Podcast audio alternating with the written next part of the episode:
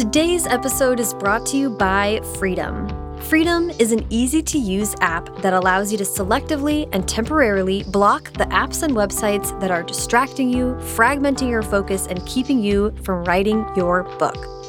With Freedom, you can block the internet entirely or block everything except the sites and apps that you need for your work.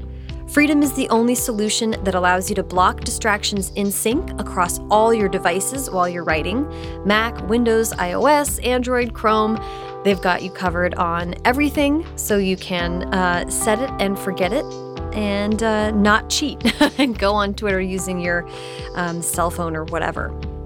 Try Freedom for free, then upgrade to Premium with code FIRSTDRAFT for 40% off a yearly or forever plan. And you're going to want Premium because that unlocks features like unlimited sessions, unlimited devices, locked mode, and advanced and recurring scheduling so that you can set yourself up to be distraction free when you're feeling most responsible. Uh, and then when, um, you know, I must check Twitter brain clicks in, um, you've already blocked that. and with Premium, you get access to Freedom Perks, discounts on a host of other great products that writers love, like Scrivener and Caveday, and other great resources and tools. Research shows that with every digital distraction, it takes 23 minutes of time to get back into that deep work state that you were previously in.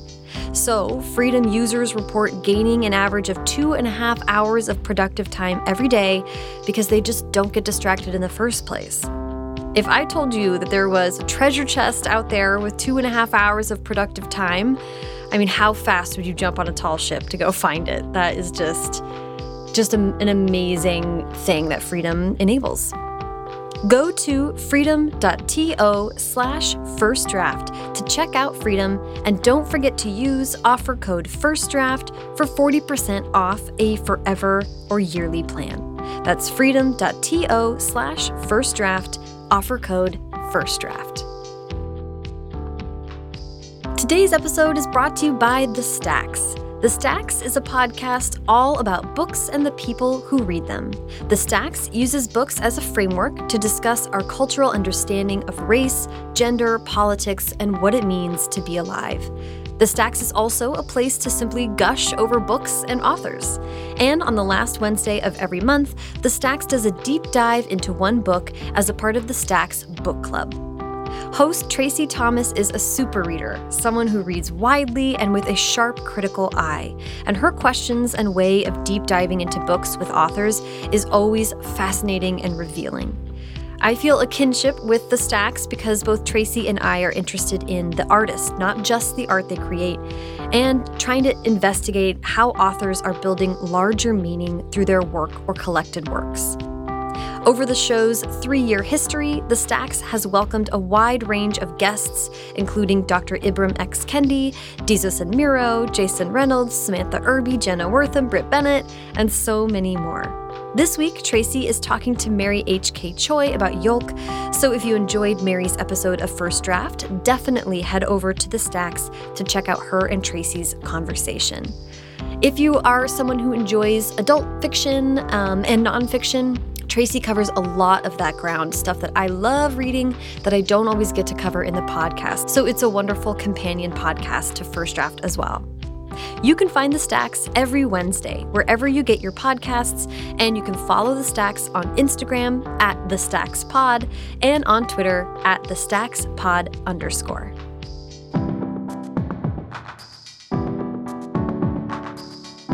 Welcome to First Draft with me, Sarah Enni. This week I'm talking to Laurie Devore, author of How to Break a Boy and Winner Take All, talking about her latest contemporary YA, A Better Bad Idea. I so loved what Laurie had to say about collaborating with an editorial agent, needing to let characters live in the back of her mind for a while before writing them, how contemporary authors are or aren't going to consider the topic of the pandemic going forward and about how she approached writing about domestic violence and abuse with realism and sensitivity. If you'd like to support First Draft, a quick and easy way is by subscribing to the podcast wherever you're listening right now, and by leaving a rating or review on Apple Podcasts. You can also go to the website, firstdraftpod.com, to check out the show notes for this episode, which has links to all the books that Laurie and I talk about. First Draft is an affiliate of bookshop.org, so that means that if you shop through the links on the website, it helps to support the show and independent bookstores at no additional cost to you. The best way to support First Draft while also getting tons of great bonus content is to sign up for the First Draft newsletter. There's a free monthly newsletter where you'll get updates on recent episodes and hear about upcoming events. And for just $5 a month, there's the weekly newsletter, where every Friday, subscribers get exclusive interviews, publishing industry analysis, writing tips, and more in their inbox. Information that's useful no matter where you are on your writing and publishing journey. For example, this week includes an exclusive interview with Benjamin Dreyer, managing editor and copy chief at Random House, and New York Times bestselling author of Dreyer's English, an utterly correct guide to clarity and style. Sign up at firstdraftpod.substack.com or find the link on the website at firstdraftpod.com. Okay, now, please sit back, relax, and enjoy my conversation with Laurie Devore. So, hi, Laurie. How are you doing today? Good, Sarah. Thank you for having me. Oh, I'm so excited to finally chat with you on the podcast. Uh, you and I go way back, and I can't believe I haven't had you on the show before now. I'm so excited to talk. You know the deal. I'm going to go way back to the beginning um, and hear about where were you born and raised? I was born in upstate South Carolina. That's where I lived most of my life. So I lived in a suburb of Greenville until I was about 12 years old. And then both of my parents are kind of from the country, as we like to say, a more rural part of South Carolina. So uh, my family had some land that I guess they farmed on. So my my grandpa he had a lot of different jobs, but at one point he was a farmer. So they had broken some of the land up, and my parents decided that we would move back to kind of where they were from and build a house. So I went to a very, very small high school in a place called Abbeville, South Carolina, in that county. I had about probably 400 students that I went to high school with. So a very different wow. high school experience than I think a lot of people have had. And this was all during the recession. My my dad lost mm. his job during the recession of you know the early 2000s, I would say. Mm-hmm. So I think that was kind of what prompted my family that we were going to go ahead and move back to to where my parents grew up. I want to hear about um, expressing yourself and how reading and writing was a part of growing up for you.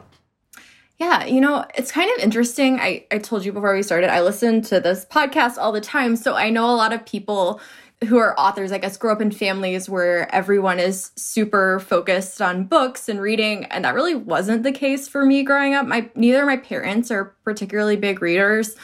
You know, when I was younger, they definitely kind of bought me picture books and we read those a lot together. But after that, I just didn't see a lot of reading kind of modeled in my family. Mm-hmm. I just kept reading. I never stopped and I always wanted to write. I don't there was never a moment. I was just always taking these notebooks and and writing stories. So I guess I just kind of like fell in love with it naturally and and wanted to do it on my own. I don't think I ever made the conscious decision, you know. And now I'm going to start writing. I just always was and I wanted to. I'd love to hear like how your writing developed, but also when you discovered the YA that we as we kind of know it today and and and like there's a thousand questions in one here but i'm like i'm just interested in when you started writing young adult fiction given that you kind of did grow up with it more than more than i did. Well and this is kind of interesting too. I'm trying to remember what age i was when i read books because i don't remember reading that much in high school even though knowing that that kind of I think I missed it a little bit because I think Twilight hit like the year or two after I went to college. But I don't think I read mm -hmm. much in mm-hmm. high school because I did do all this other stuff. I played all these sports and I had to maintain my fan fiction. So So it was mostly fan fiction in high school? Yeah, I mean, I was I think it's a little tricky to talk about now, but I mean, I was deep in Harry Potter. I would reread those books over and over again. I would read the fan fiction. Mm -hmm. I would write the fan fiction. But I do remember I was talking the other day to some of my friends. I did read a lot of Lurlene McDaniel, if you're familiar with who Lurlene McDaniel was at all. A little bit, yeah. and that was maybe when I was a little bit younger. I want to say like seventh or eighth grade. But for anyone who doesn't know, Lurlene McDaniel was kind of this kind of towing the line of like Christian young adult writing, uh, but in every one of her books, one of the love interests was deathly ill and usually would pass away by the end of the book. And I just. I mean, it's a little sick, but it probably makes a lot of sense with my book because I like live for like tragedy and high drama and that I loved those books. And so there would be there was probably like a hundred books and they were all these kind of like make a wish books where the person would get, you know, there was there was a whole book with the with the backstory of how this all happened but somebody who would send money to a sick person to to give them their last wish and somehow a love interest always got involved but then every couple of 10 or 20 books they would all meet for the summer at this camp so they were all in the same world Oh, interesting. And then there would be new relationships for all the people who had like lost their their previous relationships right. or, or, gone through all this trauma and they would all revisit their trauma. And then like a couple books later they'd come back for the next summer and sometimes people wouldn't make it. And it was just like there's something sick about it but i just ate those up for like breakfast lunch and dinner. I absolutely love them. So in terms of kind of what we know as modern ya i, I remember specifically I had an internship the summer between my sophomore and junior year of college I lived down in Charleston, which is actually where I live now. And I just like walked to a bookstore. I think it was a Borders back at the time. And I was looking in the YA section and I ended up picking up the Gemma Doyle book, the first book in the Gemma Doyle series, and then the first book in the the first Mortal Instruments book. And I took both those home and read. I think I read all the Gemma Doyle books once I started the first one, and then I went back and did the Cassie Clare ones. And that was actually the summer I got really into YA. And I think it's probably the summer I joined AW and actually like wrote my first book. So it was all kind of I was like, oh, this is real. I could do this. Um, and that was kind of how that came about. Ooh, I love this. Okay, so I want to hear about about that because that because you did start writing really seriously and for publication pretty young in college. So I want to hear what were you studying in college and what um, you know you started getting into YA. I'd love to just hear about the development of deciding you wanted to write contemporary YA fiction. Sure. So I went to Clemson University, which is an in-state school in South Carolina.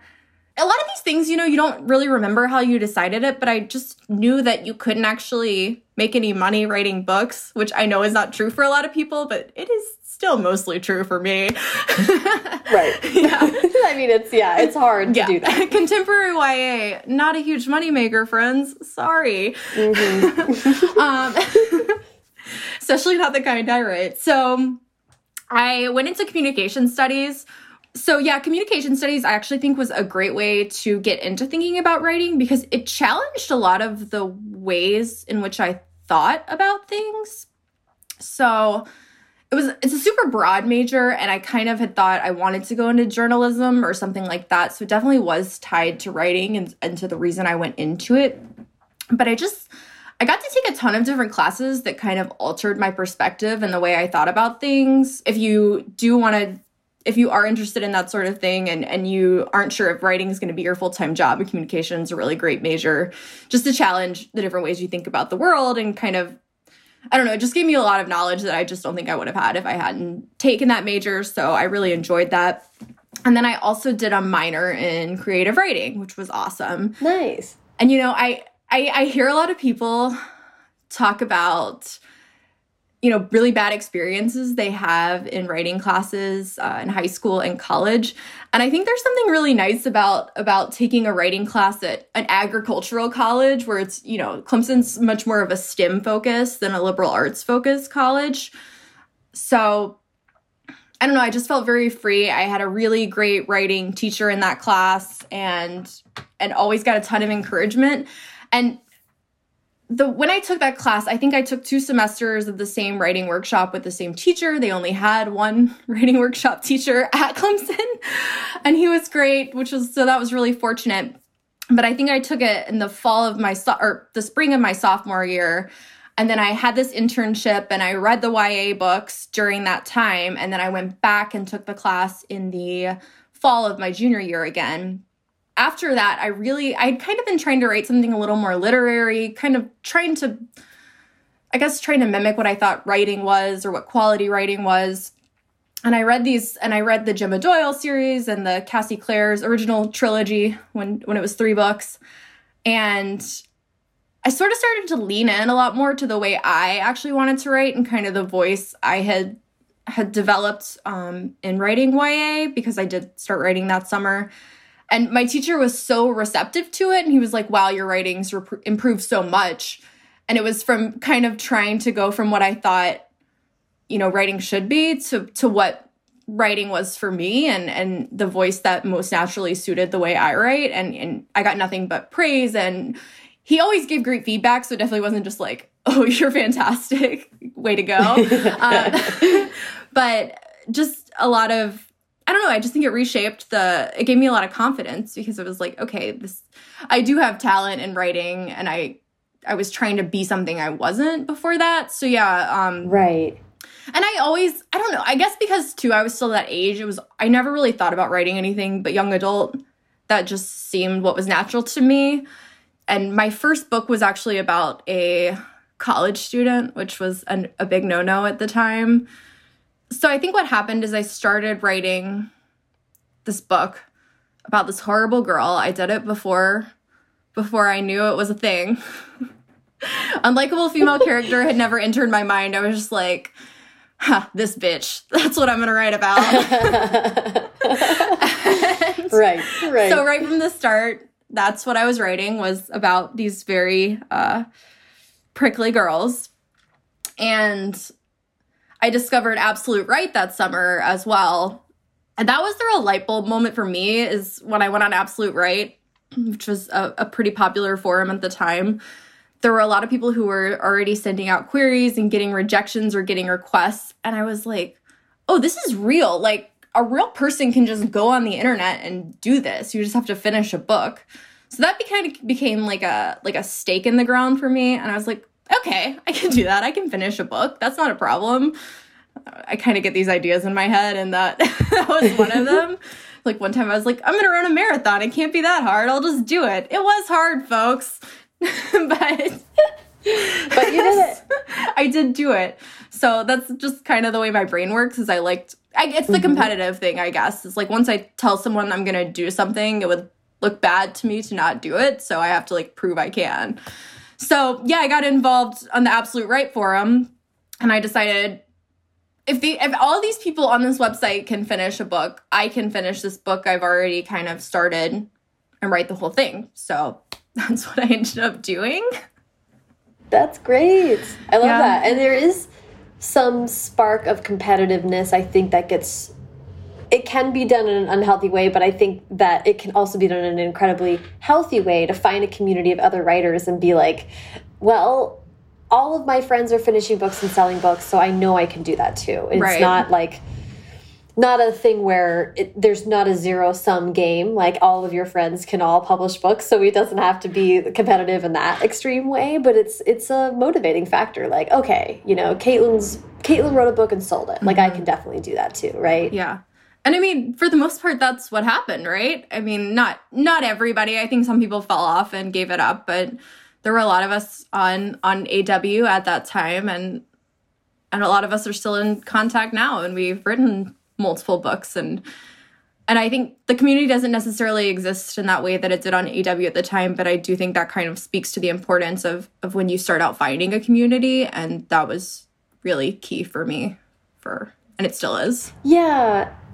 It still it very much is, yeah. And you and I kind of met in that in those trenches and yeah. a lot of um, really tight friendships were formed at that time. And I think about that often because now one of the one of the most common pieces of feedback that I get from listeners to the show is how do I find a community? And I think to your point, it is uh, different now. I think the just the community of YA is a little bit more dispersed and there isn't really one forum that's kind of the touchstone for everything. Um, I think often about the community that was kind of formed in those in those few years, that window where it really was um, everybody so actively trying to lift each other up. That Yeah. does exist now. There are plenty of organizations out there now that people can find and, and use as ways of finding new people, but we just happened to be at that time and that place and it was very special. Um, what was the book that you do you remember what the book was that you started writing and was it um, How to Break a Boy or was it a No, I I wrote something before that. That was it was a college. It was actually called Southern Hostility. I always thought that was a good name. And you know what? If someone That is a good if name. someone steals it, I'm fine with that. But yeah, I mean, it was basically about a girl at a college and her friends in the in a fraternity. And I remember, so I actually met my agent Diana Fox through that book because I did query it after I wrote it, even though I mean, it's kind of a thing now, but like back in the day, you absolutely nobody would look at a, a college age protagonist for a young adult. Mm-hmm. and right. that was kind of when the rumblings of new adults started, which is a whole other thing I won't really get into right now. But that was but I was like, oh, I, that's what I did, sure. So I queried that book and I heard from my agent, Diana. She wasn't my agent at the time. And she was kind of like, you know, I don't think I can sell this book, but I want to talk to you about it. So I hopped on the phone with her and I remember her saying, this book is a mess, but it's a hot mess and I love it. That's amazing. So she's basically, you know, you've got two problems here. One's the plot; it's it's all over the place, and then the other is that you have this college age protagonist. And she's like, if it was just one, I think we could sign it and fix it. But right now, it's two. And I was like, you know what? I'm working on this other book, and this was the book that became How to Break a Boy. So I actually took a short story I wrote in my fiction writing class, and that was where that whole book came from. Was I just I liked it. I thought it was really interesting, so I kind of started developing it into this longer thing. And I actually, weirdly, I think I actually wrote like 50 pages of something else before I did that. And that book turned into Winner Take All. But at the time, I was just like, nothing in common really with it except the basic premise. But that's what that was.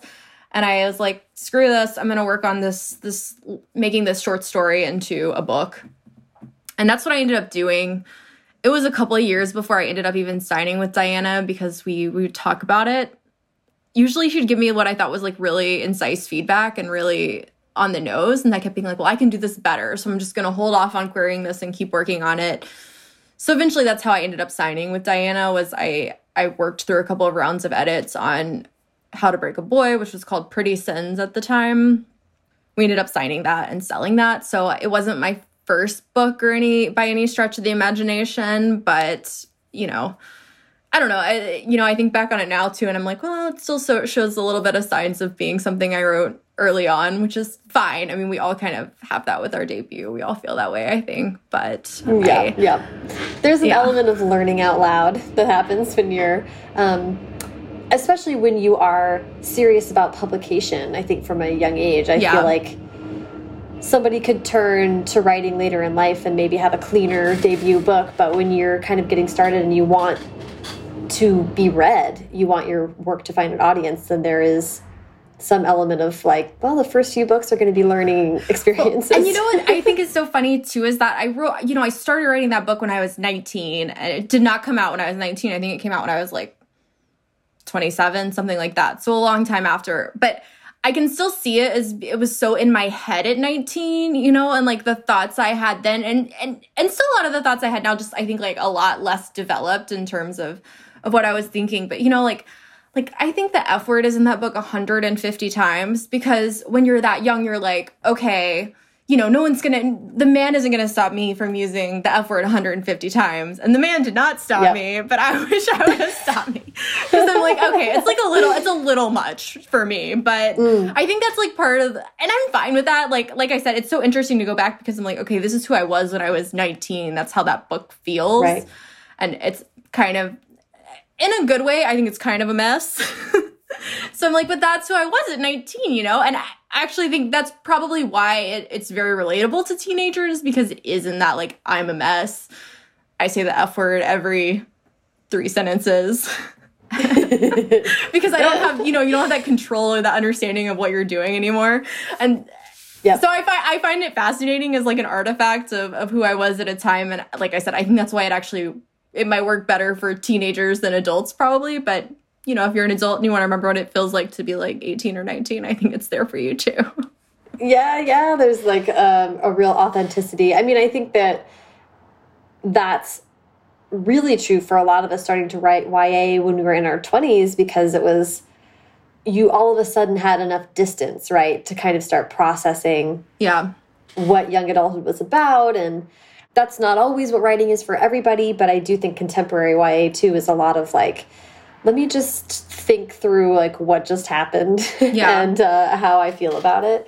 Um, I want to talk about if if you feel comfortable with it. I'd love to talk about editing, um, revising a book with an agent before you have signed with them. Just yeah, there's sure. a lot of um, there's a lot of talk about agents out there right now, and I think yeah. people are eager to hear how all these different experiences come about. So that was obviously a fruitful collaboration with you, but but you weren't technically her client yet. So I'd love to hear about how that went.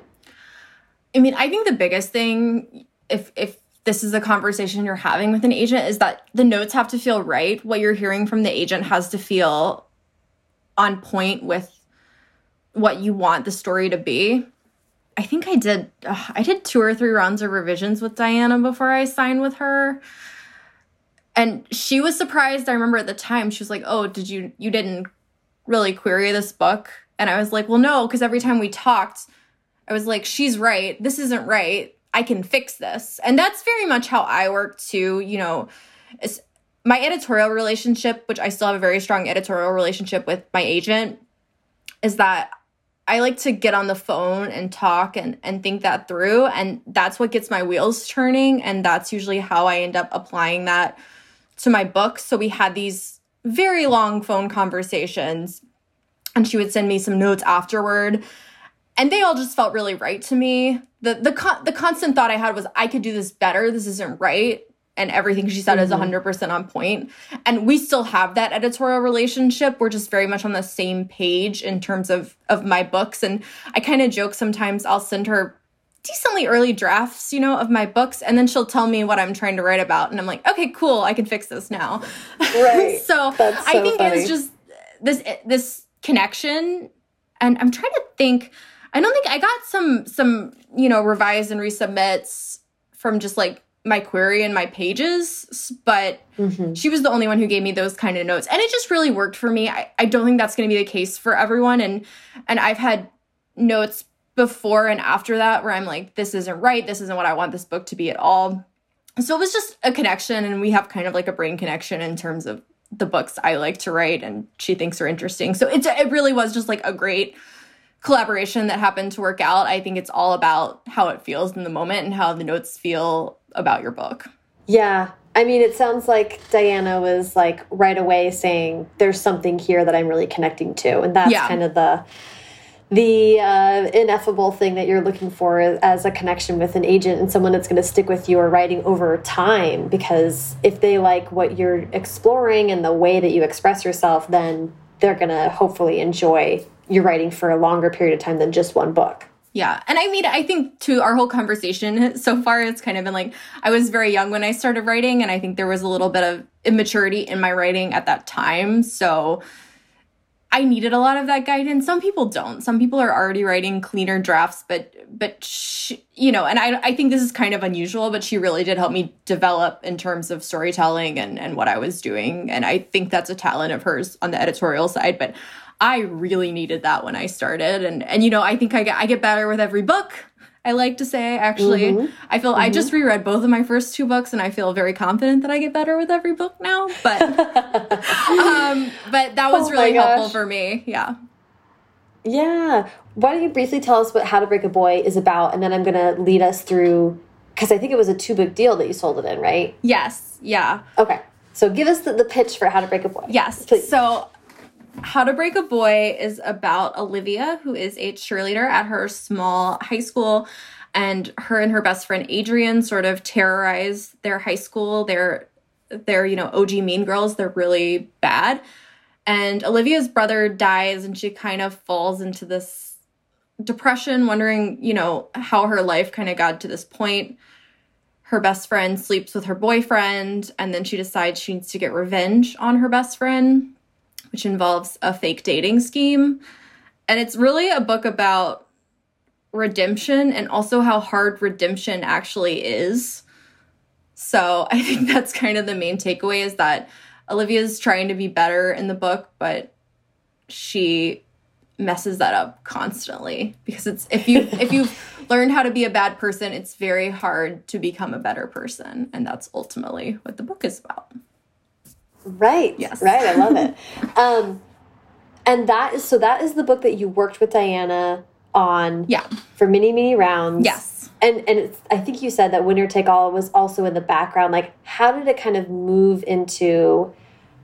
Now I I'm under contract. Now I'm exploring these new things. You're like out of college. You have a new job. How did you kind of work through that phase of your writing life? I was still living in South Carolina when I signed with Diana, and I had actually moved up to Chicago by the time we sold How to Break a Boy. So I, you're right, I had started a new job probably a couple months before that. I had moved to a totally new city where I didn't really know anyone. And we sold the book. We ended up selling it to Imprint at Macmillan, which was actually a brand new imprint at that time it was actually really cool. I was very fortunate that I got two offers on the book. So we kind of got to decide between one offer and then this new imprint at Macmillan. And we thought that, you know, it was exciting to be kind of at the start of something new, to be one of the first books kind of in this new venture for them. So we ended up signing with them. And then I actually had a super long tail of when the book was going to come out. I want to say that there was probably in like the two offers I got, there was a year's difference in when the book ended up coming out because really, I really was one of the first books that had sold to imprint. So they didn't launch their first titles until maybe a year and a half later. Mm. And I was in the second season that they launched. So I would say it was almost a little close to a year before I even got really notes on the book. But because Diana and I had worked so much, there was pretty light notes. It was it was a pretty simple book to edit, which I don't know, you know, it is what it is. That's not usually how yeah. it goes. That just happened to be a book that that was pretty clean when I sold it because we had worked so long on it. So yeah, it was pretty simple to edit, but I had been working on writing it for what like seven, eight years. So you know, from that perspective, super easy. Yeah. so that wasn't the contract part of that wasn't bad. And then I got to winner take all. oh boy. So this was a book I had like like I said I wrote like 50 pages and I always just had this idea of I'm going to write a bad boy good girl romance but in real life. it's going to feel right. like you know cuz I think there's kind of the rom-com standard of what that is and there was a, a lot of I feel like a lot of what I wrote in the those first two books was kind of in response to the paranormal romance hit that was happening right now because there was a lot of mean girls in those who were just mean for no reason. And I was like, well, what's wrong with them? Mm-hmm. And then there was a lot of, you know, bad boy paranormal characters with good girl main characters. Mm-hmm. I think a lot of that influenced me deciding to write these contemporary books and be like, but what's what's actually going on here? So right. I wrote a whole draft of Winner Take All, I think, not long trying to think because everything gets so mixed together with your first book deal if you do a book a year. I think it's mm-hmm. you know because and i have a full-time job. I always had a full-time job and i still do. So that adds a whole other layer to it for anyone who's writing a book a year with a full-time job. God bless you. You're amazing. Yeah. So i i don't even remember really when i had the draft for winner take all but i sent it to diana first. And you know we both kind of agreed that nothing about it worked. And we had this long conversation about about what that meant. And i think i had a much more passive character than what what nell who's the main character of winner take all ended up being. So that was kind of what we talked about at the time i remember is her saying we have this like kind of aggressive like aggressively charming but still an aggressive character in jackson who is the love interest and then a much more passive character. And she's like that just doesn't seem like who that character should be.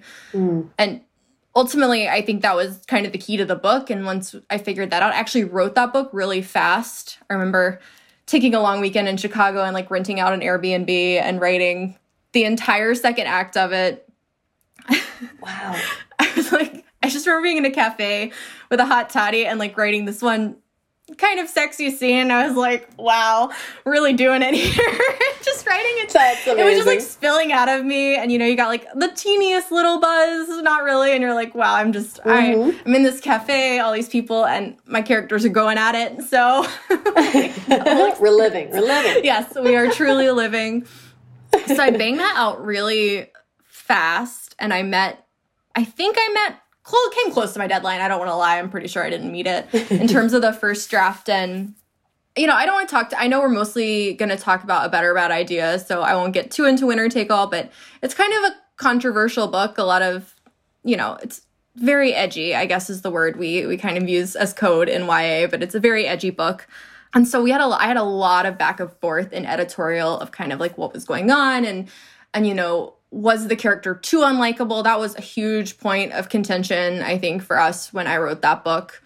Which I, I think is kind of interesting because I have a character who like tries to murder people in this book, and I still think Nell will probably be more unpopular, the the main character from right. Winner Take All.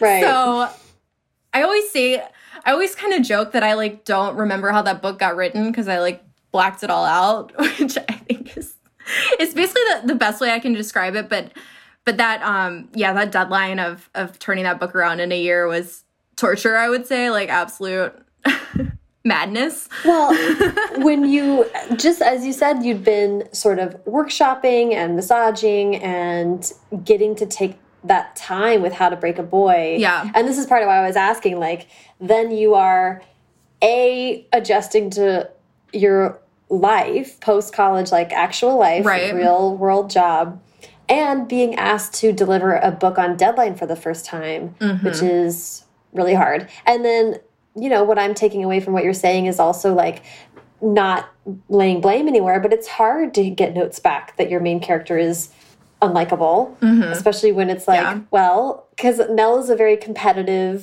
ambitious woman. Yeah. Which is like, you know, it's it's not you but it's not not you, you know? Right. Yeah. Those are hard notes I, to get. I actually, and I was telling someone the other day that I remember my my mom read the book and she was like, "Oh, this is you," and I was like, "Oh my god!" Of all the characters, like that's how. And I think I still feel very.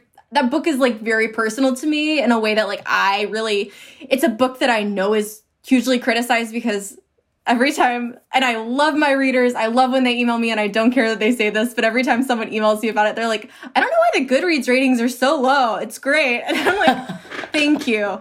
Me neither.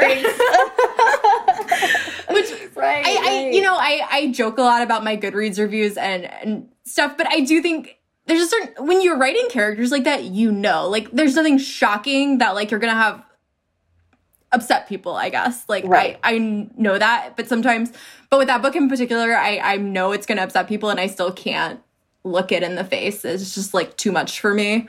Which is fine because I think at the time I couldn't even really think about that book when it came out very much because it, I felt pretty close to it, but also it had been so much to kind of get it out and everything that I just think to a certain point your brain's like I I can't handle anymore. So yeah and and when you right. and when you make some of the choices I, I made in the book i knew that you know i was just like it was scary. Honestly that was a scary book to put out because i knew it was going to upset people so much. So it actually and i would say the reception for the most part was was positive. I mean i got really good trade reviews and it is what it is. And i can appreciate it a lot more now than i could at the like i don't think i could have had this conversation about that book when it came out but because it was just right.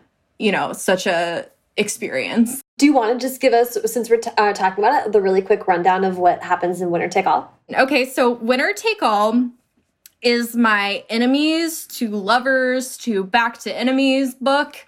It is about Nell, who is a the valedictorian and a star volleyball player at her exclusive prep school and Jackson, who is the right behind her in the rankings and is kind of the bad boy, but who everyone loves. They actually do hate each other, so it's not. It kind of looks like a rom com. It's not a rom com. They really hate each other. They start having a very intense relationship, and it kind of blows up. And the whole thinking when I created this book was sort of what would it actually look like to date a bad boy in real life? And what if, you know, when everyone's telling you you shouldn't date this person, there's actually a good reason you shouldn't date them, and there's actually something really horrible that they have done? I kind of joke it's about a very toxic relationship that of two people who are perfect for each other but in a very bad way. And I always say I grew up on soap operas, so when I started writing teen fiction, that's you know that was what I was my wheelhouse was like the OC and One Tree Hill, which every time I, I go talk to teens, I'll be like, "Well, what, do you guys know One Tree Hill? It's on Netflix." And they're like, "No, what are you talking about?" And I was like, I, I ate that stuff for breakfast. Like it was delicious. I loved it. So you yeah. know, I'm always like, I don't know. That was that. That was what I loved when I was a teenager. So I think a lot of that yeah. goes into my books too. Yeah, there's like a soapiness. It's just a different type of, you know, I think people think of realistic fiction as one thing, and actually, there's a lot of different ways to write realistic fiction, and you can go on the kind of the soapier, almost borderline campy vibe of right. like, well, just everything happens, and it's and we're all dealing with it, and that's so fun and delicious. Yeah. Um, as opposed to, you know, you can also be very quiet and very kind of contemplative, um, and there's room for both. There is. Uh, so I love that. So after your first book contract, How to Break a Boy, Winner Take All, um, I'd love to hear about a better bad idea, how that kind of came up, and how you developed it. Sure. So basically, pretty similarly, I guess, to How to Break a Boy, this is a book I had been ideating on for a really long time. I, in addition to taking a creative writing class in college, I took a, a script writing class in college, a very similar you know idea where we would write these scripts for plays and then and then sit around and talk about them in class so i wrote one that had a very similar vibe to the book in that it was a mystery and there was a dead girl character who played an important part in the book so I took that mm-hmm. idea. I also and we've kind of been talking about some of the the melodrama I like in in my books. So I was a big fan of Miranda Lambert. I've talked so much about country music when talking about this book, but Miranda Lambert has a song called Gunpowder and Lead, which is a revenge fantasy against an abusive father figure in the song.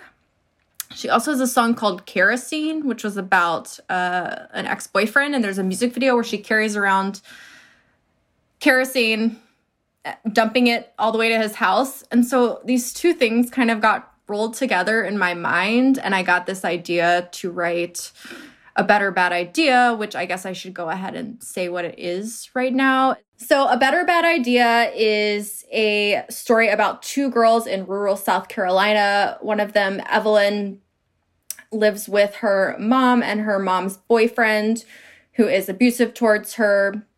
Then one night they get in a fight and he actually strikes her little sister and she runs into the woods and runs into a boy named Ashton. They start playing a game of truth or dare, and and this all escalates into them deciding to burn down the trailer with her mother's boyfriend inside, and that's and then things kind of just de-escalate from there. So. and it also is about a girl named Reed who was Ashton's ex girlfriend who is not alive in the present. And both Ashton and Evelyn's obsession and love for Reed and and kind of untangling what that meant for her and who she really was. So there's there's two timelines within the book and Evelyn and Ashton are kind of the main timeline and then there's a lot about Reed who is the dead girl and and who she was and and kind of how she didn't make it out of the town alive. It's so interesting that your original kind of gem of the idea also included Reed's point of view and as you say like Reed we get Reed's like um, perspective. She right. is a, a point of view in the book. So I'm, I'm so interested in your decision to mess with time in that way and incorporate yeah. Reed's actual voice. So how, how did it go developing that? One thing that I think is important to note is that my last book came out in 2018. This book is coming out in 2021, and it is extremely structurally complicated. And that is a big reason why it was so long between this book, uh, between my last book and this book.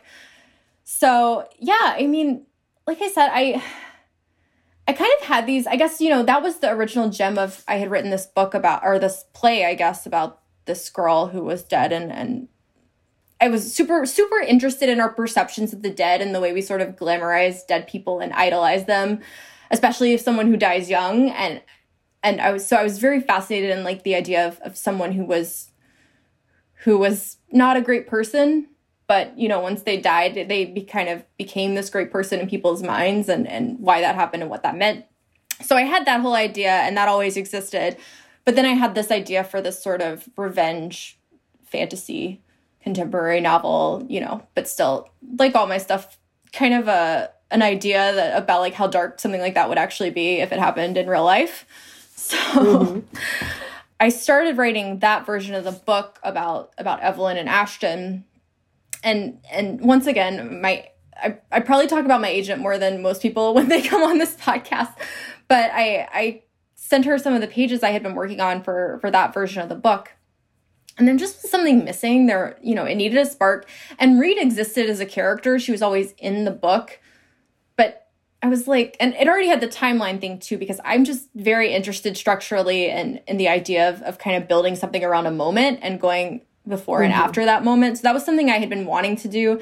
And I actually wrote the original version of Winner Take All like that. So I think it's just like a structural fascination of mine, something about the way my brain works mm-hmm. that I wanted to write something like that. And it didn't work there. So I did it here.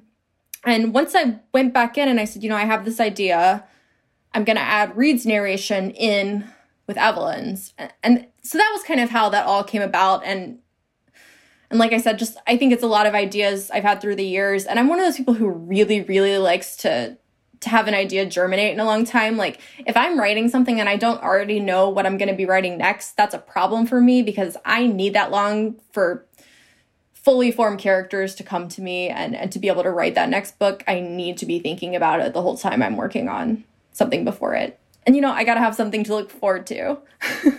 That's interesting. So you're saying while you while you're writing the current book you're writing, it's really important for you to know what you're going to be able to look forward to after you finish this current project. Yeah. So you can already be kind of thinking about those those characters are in the back of your mind doing the work they need to do while you're currently writing the other thing. Yeah, 100%. Like I it only works for me that way because it takes me that long and because I think I like to hit in my book you always like see the characters' parents, you see what they're like at school, you see what they're like not at school.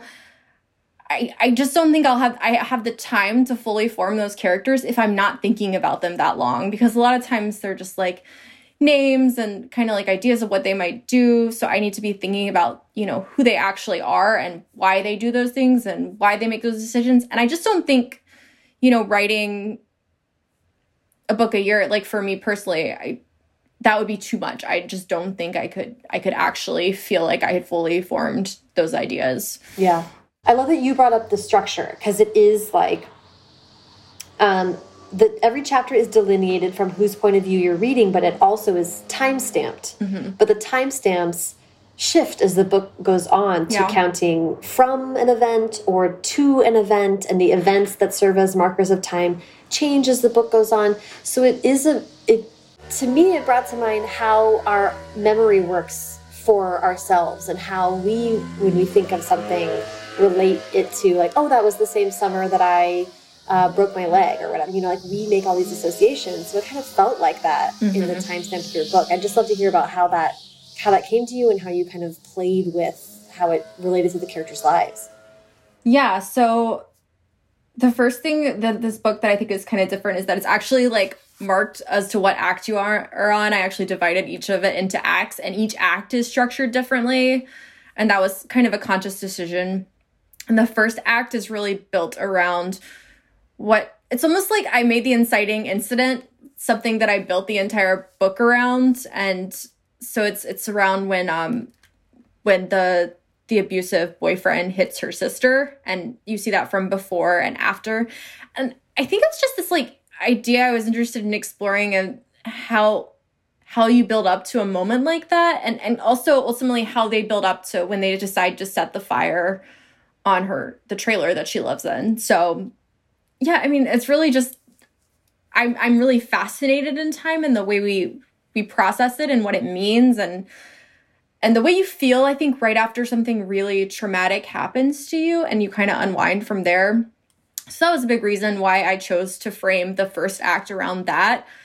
And then I actually originally had Reed's point of view in the first act, which created a big mess because then you had time before and after, and you'd suddenly jump to Reed. And that was one of the first notes I got back from from my editor, and I was like, "Yeah, that's that's true. This is too confusing." So that was when all of Reed's point of view, and it actually really works, I think, to like thematically because you get this this kind of skewed perception of of Evelyn, the main character, and how she views Reed, who I kind of consider the secondary main character in the first act. And then you meet Reed in the second act, and you kind of see how there's this this totally crystallized version that Evelyn has of Reed because she thinks that somehow like becoming more like Reed will will kind of make her stronger against a lot of the things she's facing in her life. So it's kind of this idealized person for her. And that's really wasn't who Reed is, and you start to see a lot of her struggles in Act Two. And I think in Act Two, especially because one of the things that was important to me was you start to see Evelyn trying to pick up a lot of Reed's characteristics. You know, she's really trying to shape herself into that type of character. Was that the scenes had to be in conversation with each other that Evelyn and Reed were having. And I think that was one of the really challenging parts of, of writing that middle section was making sure that that they were always in conversation with each other, especially as I was moving things out of Act One and into Act Two. So, I mean, like, my, my biggest recommendation to you is if you want to write something super structurally complicated, don't. yeah. just just stop. It has to be easier than doing it this way, but you know. You did. Um, you set yourself a lot of puzzles for sure. Because there's also um, character development. Like Reed's memories include Ashton, who is being revealed both in the past and in the present. So you're kind of keeping a character arc steady. Must have been a a whole. Uh, um, yeah. You know, you gave yourself like a complicated algebra problem, basically. But you know, even that first act where where they were going back and forth on the time, you know, that was one of the last things I think my editor and I were were talking about. And she was like, maybe this just doesn't work. Maybe you need to structure this all linear, linearly. Ugh. And I kind of look at that note and you know, I just felt really strongly about about the way that the first act was built. But I was like something about this is is making her feel like it's a little too slow so it was as simple, it really was as simple as I had to go back and I had had to cut some stuff because it had just slowed down the pace of the whole the whole book a little bit. And once I made those those changes, it all kind of came together and and worked. And that's I think, you know, going way back to when we were talking about, you know, knowing how a note hits right that didn't feel right to me. I, I really felt strongly that, that, that the book should should be the way it was set up, and and we and I took a look at what she had a problem with, and and I was able to figure out a different solution and one that I think we're both really happy with, and I'm really really glad we didn't change the structure of of the act. So. Yeah, well, good, and I love that because you're kind of walking us through um, a question that a lot of writers have, which is like, how, how do I know when to take an editor's notes? How, when do I take an agent's note? And it's like, yeah, it, it has to hit you right and then but then also you just have to be able to play with it and come up with your own solution. Like other people can tell you that something doesn't feel right to them but it's really on you to come up with the solution for whatever that problem is or or to say like this is a, this is the book that I intended and and I have to stand up for that. This is a little bit of a soapbox but I think it's super super important to stand up for yourself with your book with your marketing of your book with everything. So I always encourage if something doesn't feel right, you say it. You know, I think especially if you're a younger person coming in as a writer, a lot of times you feel like people aren't going to like you or you're going to rub feathers the wrong way or and or you're going to be seen as a diva and you know not to put too fine a point on it but there's a lot of books and a lot of things that that people in publishing who work in publishing are trying to deal with and it's it's not a bad thing for your name to pop up in their inbox every yeah. now and then especially you know i mean i think we all know there's a hierarchy to publishing. There's a hierarchy to to how how much attention books get and that's fine and we work in businesses and we understand that. But you know stand up for yourself stand up for your book. It's you aren't you probably aren't going to upset people there's always a nice way to to ask for something right the people in publishing aren't afraid to say no to you i promise so, yeah. right, you're right. all on the same team people won't know that you want something or or that something is an issue for you unless you tell them because there is simply too many books and too few people. So that's kind of my words of wisdom about uh, being a young writer and and that you know like i said it's not just with your editor but across the board. Uh, i do want to add you know it's not a spoiler this happens very early in the book that evelyn's mom's boyfriend is he, he drinks and yells and is emotionally abusive and then physically abusive. Yeah. Um, and in your, uh, you, there is an author's note at the end of the book that provides resources and talks about seeking help if you are the victim of domestic violence.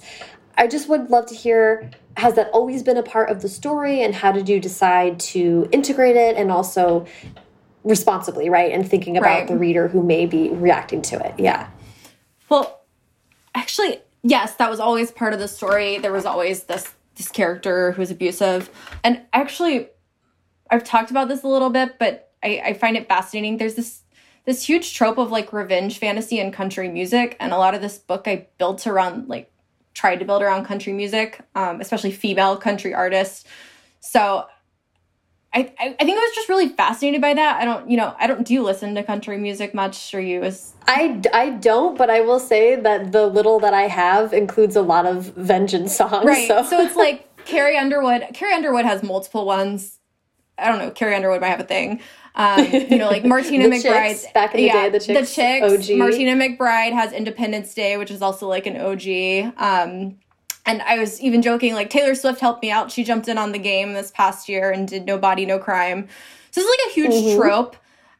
And it was a, a lot of it was inspired by that, which it's it sounds a little bit like oh like flip to i guess to say it like that but i just think it's so fascinating that that's a thing that's constantly coming up in country music and my books are so much about trying to write about like the modern south the new south what that means because I, I do think there's this huge cliche and a lot of fiction about about the mm. south and it's you know mm-hmm. nothing nothing modern has ever hit the south and that's kind of like a running theme and you know i like to write my books about no like people in the South exist and they're living lives just like you or I, and and you know, seeing how the South might like drive that, but but ultimately, you know, it's it's just the setting. It's just a place where people live, which is what it is, and mm-hmm. and it is a place where things are changing quite quickly, which I think also is interesting. But yeah, so this this fascination of mine with with country music and with the South and and this idea of, of setting the fire that all was kind of sparked from from being about an abusive relationship. And yeah i spent i spent a lot of time on this. I there's also a lot about poverty in the book. And mm-hmm. as i mentioned that, that that's kind of where i grew up. And so that i have a, a pretty close understanding of. And you know there definitely was domestic violence when it, where i grew up. And and my dad is a magistrate sometimes so i would hear about some things from him as well about about violence. So yeah i mean it was just i thought it was really important to be true to the characters. There's one thing i really loved that i i watched when i was when i was kind of concepting this book and thinking about it. There's a documentary called minding the gap on hulu that is about the very complicated relationship of three young men to domestic violence, mostly parental domestic violence, but also one of the young men himself is like perpetuating this cycle of abuse in his own relationship. And it's this really beautiful documentary, so well done. And and the guy who made it, his name, I could tell you it's Bing Liu, that's his name, which I have tried to memorize because I'm talking about this documentary a lot. So he was also, he's one of the main characters. He made himself one of the main characters. And it's about his stepfather being, you know, abusing him. And it's just so fascinating because it's these three different men and these three very different relationships with, with their parents who abuse them. And and I thought it was fascinating how, you know, each of them had such a different experience and, and different understanding of of what had happened to them and how it affected them going mm. forward and the way they talked about it and the way they they talked about you know from one of them there was obviously utter terror in this parent but another one had a very loving relationship with his father so it was this very mixed confusing mm. emotions that he had when understanding, you know, that he was abused, but also that he like loved his father very dearly. So that that affected me so much and just just how beautiful and like touching the whole documentary was in the way I I wanted to write these characters. And and you know it's not just about Evelyn's reaction to to Dane who is the abusive character but also her her reaction to her mother who is also being abused but she feels is is an enabler in some ways to the abuse that she suffers. And that is not to say that I feel that way but that was the way I wanted her to process it in the book.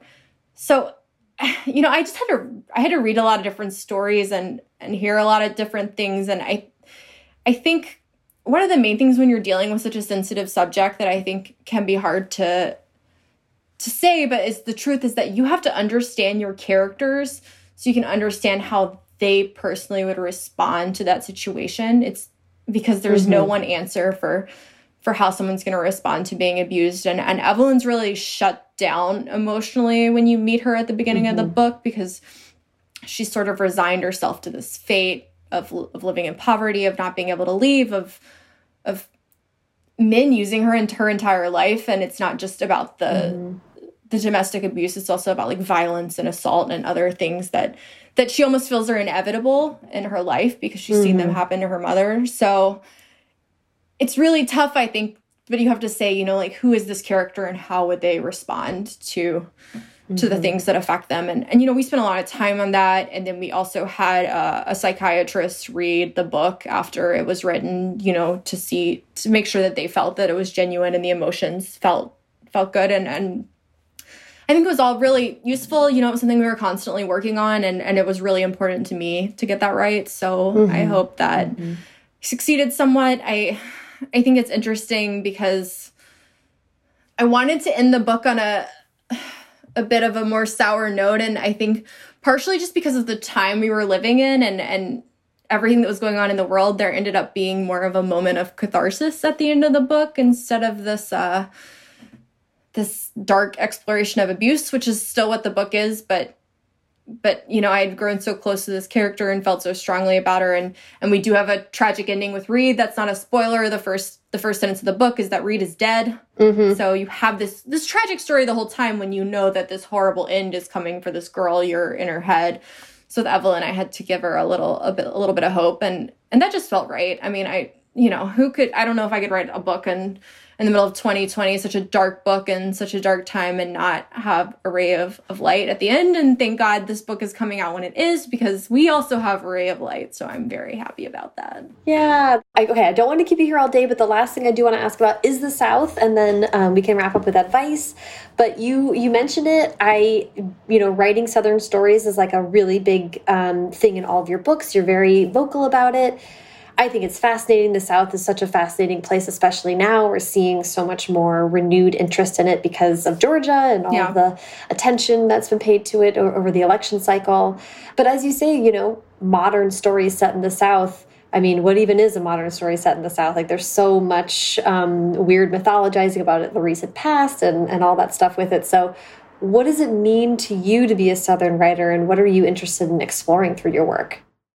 There's a certain uh, attachment that a lot of Southerners have to our Southern identity, which is extremely complicated, I will say, because there, you know, there's a lot of messiness, there's a lot of, of racism still tied into the South, and and you know, you know, I live in South Carolina. They just took the Confederate flag off the state house, what, like three or four years ago. Mm -hmm. So, mm-hmm. uh, you know, there's a lot of a lot of dark history there. But I also, the whole time I was living in Chicago, knew I wanted to come back to the South because I think I think there is so much good here and when you when you grow up at a place like that you you really grow to love it. One of the fascinating things I found in Chicago was that I hadn't expected was was what a segregated place it was. I thought that was sort of an interesting an interesting thing and and that's not necessarily the case in as much of the South. I felt like I always grew up um, in a little bit more integrated environment. So that was kind of fascinating to me too, just living in a city but I don't know. I just have this real love for the South, and I felt like I had to move back here because I want to help make the changes that that we're seeing in other parts of the South that we're seeing in Georgia. The because I just I really believe in it. And I, I, you're right. There is so much mythologizing about it. You know, I, it's sort of this in culture that, and people get very attached to being in this in culture of being Southern. And if you're not Southern, then you're not allowed. And I live in Charleston, which is a place that's seeing a ton of transplants from other states now, mm -hmm. which mm-hmm. I love. And, but some people feel very, like no this is this is our secret area like you can't come to that mm -hmm. so for one i think writing books about it opens it up to other people so they can see that yes this this is a place just like any other you know mm -hmm. yes there's terrible things in our past but i don't think that's exclusive to the south and and you know i know sometimes it can be painted with that broad brush that that, that is exclusive to the south and that's really not the case mm -hmm. but it's changing and and we're growing and and you know there is really great weather here. You do get to live near the beaches so there's something just like really beautiful and wonderful about that. I don't know i i, I just think it's a it's a fascinating place because because i do think there's so much change coming but you're always grappling with with what the past was and what that means and and how that ties into what happens moving forward. So i don't know it's messy. Like i i think the south is so messy but also i think that's why I like writing about it so much and I, I feel so strongly about it. Yeah, I love that. That's, I mean, yeah.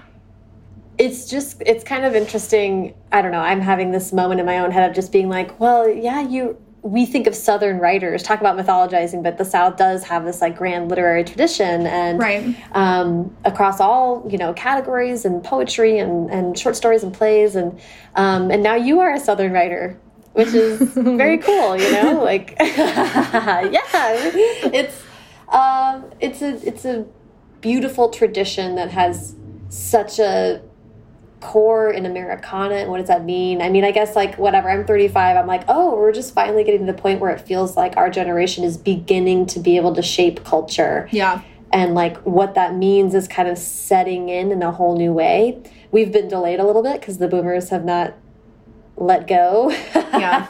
but uh, you know, so it's like, oh yeah, we get to tell the stories about what it, what it is like right now for us. Yeah, I think that's really interesting. And I've got that in a lot of the books I've been, especially like adult books I've been reading recently, as I think there's that, I just think there's a change in, in the kind of things we're talking about and in a really good way. Like I've read a lot of really good contemporary adult books lately that just have this great sensibility and understanding of like we're, we finally let go of like what it meant to be you know a young adult 20 years ago and we're mm -hmm. we're finally mm-hmm. talking about like what that is now i guess yeah yeah it's it's nice so it's fun to think like just as you're saying like change is happening and you want to be a part of it i think that's part of why we write, you know? So it's cool to have your perspective from specifically wanting to say, like, this is what's going on in this not often well understood or understood to be complex part of the country. Well, and do you ever feel like with young adult, you're starting to get to where like now you're the one who's writing about what it was like to be a young adult 10 years ago and and it's moved past you now because that's something I I'm like you know, sometimes I'll write something they do. I'm like, oh, they're on Instagram. And I'm like, no, you're on Instagram. They're on TikTok. And I'm like, but I'm not right. writing TikTok into my book because I don't care about it. So, right. It's like this very complicated. I don't get yeah. it. it's like, yeah. Yeah. So, like, I can talk about what social media means to me, but it, it gets harder and harder to, to be like, okay, but is that what social media means to a teenager now? Or is this just how you would have felt 10 years ago if that's what yeah. It's weird. It's a weird thing it's really weird and it's it's i'm i'm absolutely having those feelings and it's very like you want to honor both the reason why you i'll speak for myself i want to yeah. honor the reason why i'm telling these stories and why this age range is still so interesting to me and these mm -hmm. uh, concepts of identity and self discovery but then you also want to honor the fact that it's like i do not know what it means to be 16 years old right now and to literally never have not had the internet like it is it's different and it's making me wonder about whether uh, young adult is the place where I yeah. should be for X period of time or, or if the stories need to be a little bit more um, I don't want to say abstract but a little bit more maybe magical in how they talk about you know what I mean like yeah the gritty realism is right. sort of like not what I can bring yeah, no, I absolutely, and you know, my books have always been so like in the moment of like what's happening. I just like, I'm like, okay, I, do I know that anymore? I don't know. That's right. I, I'm writing a book right now that is so much about like social media and stuff. And I'm like, is this even how these kids would interact with social media? You know, like, I don't know. I right. think it's I think it's interesting, and you know, just you talking about about how we're finally getting our own voices. I kind of think in adult fiction, I'm like, well, am I taking up space where where a younger writer should be getting a voice a voice in young adult fiction because they understand that better? I don't know. Yeah, it's it's the quandary. I don't know either. It's the quandary of, you know, we're only in our 30s, not to, so we're closer than a lot of people, but that still feels very different to me. I think it's an interesting conversation. I think it's one that is worth talking about too, and being like I don't. I also will say, like when I read YA now, that's like um, they were watching a John Hughes movie. I'm like, no, we no. have to let this go, you and guys. The, and the like, music is the music is always like not even stuff I listen to. It's always like something even older than that, and I'm like. I love classic. I love classic rock. I do, and I'm sure there are some yeah. teens, but I don't think it's as many as y'all think there are. No, I agree. I agree. And I think it's the kind of thing that's important to be really interrogating and thinking about. Like, maybe let's switch up our references and, uh, you have a responsibility to your audience is what you and I are both saying. Like you have a responsibility yeah. to try to be respectful of your audience and what what are they going to care mm-hmm. about, you know? I don't want it to well, and the quarantine is going to change that even more because you know, and I know this is a huge topic on Twitter right now, but it's like, okay, contemporary authors, how are we dealing with with this year of quarantine and i like honestly yeah. don't have an answer for that because i kept being like well it's fine uh, because I, I wanted to be like well i'll mention it and then we'll just move on and i'm like but that's not how it's going to work you know if i have a book that comes out in 2022 or 2023 no like any character in that book would have grappled with a year of you know, I know some people are in school, so maybe they were in school and it's just in a different right. environment. But I just think that's gonna, there's gonna be this like huge moment of like before and after the pandemic that's going to affect teenagers especially you know because so many of them have missed major milestones in their lives. And and that's so huge. And i don't i don't know what that means. I don't know you know i'm writing the book now and i'm like whatever well that's a problem for for future laurie. That's how yeah. i deal with all my problems.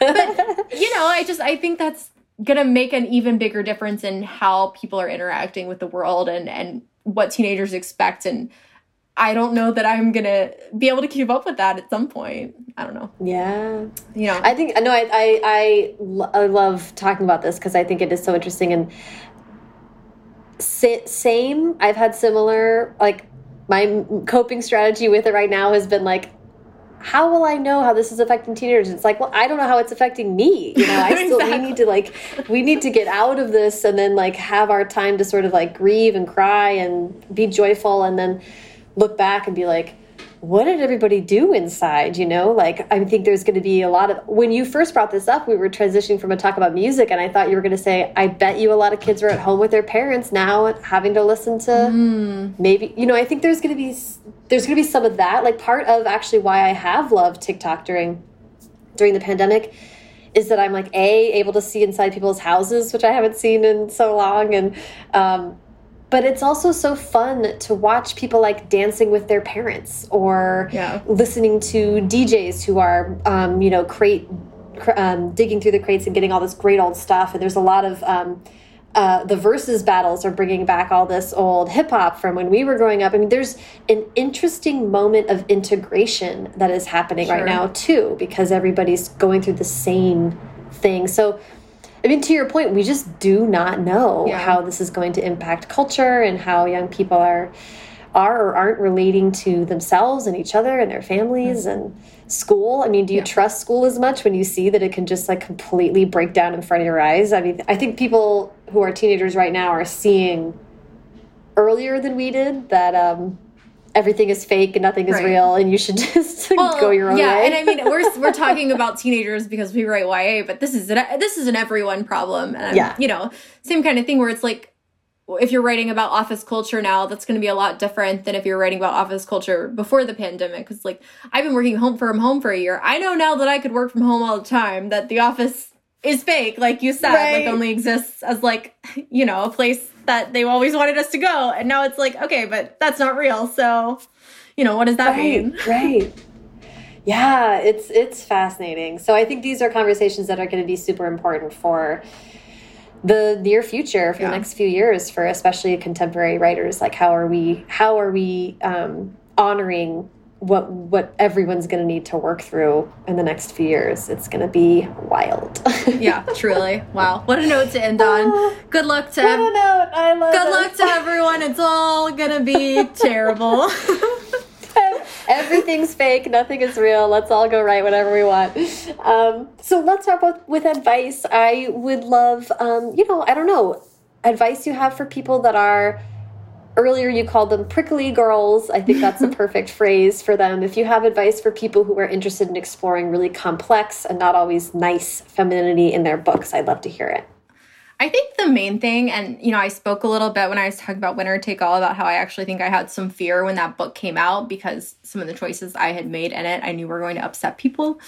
So, my main takeaway from that is that you just can't be thinking about how people are going to react to your work when you're when you're writing these types of books you know i always say that my main mission when i'm writing is i want someone to feel something.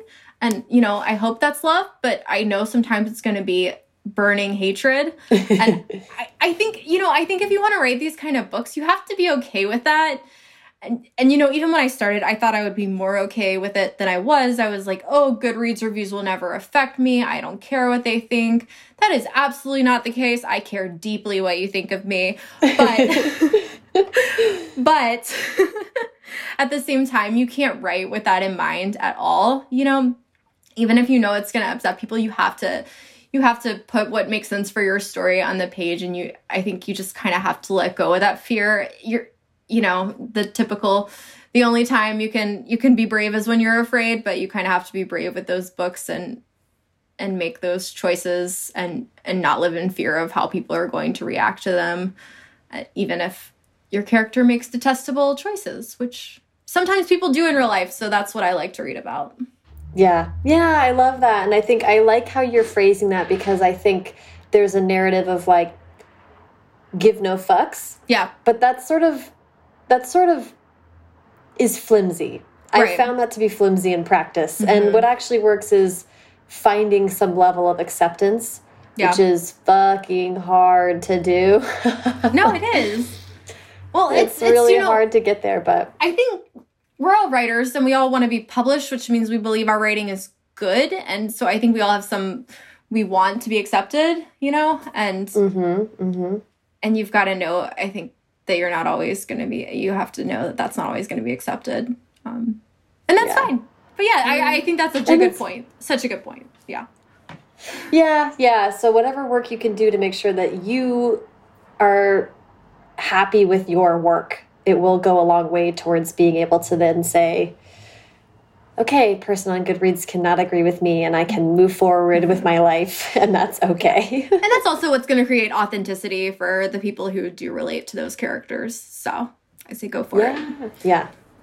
Um, oh my gosh, so fun, Laurie. Thank you for joining me today. This was a Yes. blast. Thank you for taking so much time. I know we went like way. We went way over. Yes. that is the best. Those are the best conversations.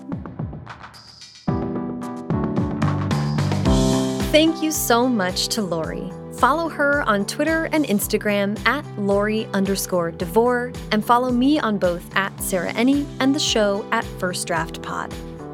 Today's episode was brought to you by Freedom, the easy to use app that blocks distracting websites, letting you get into deep workflow.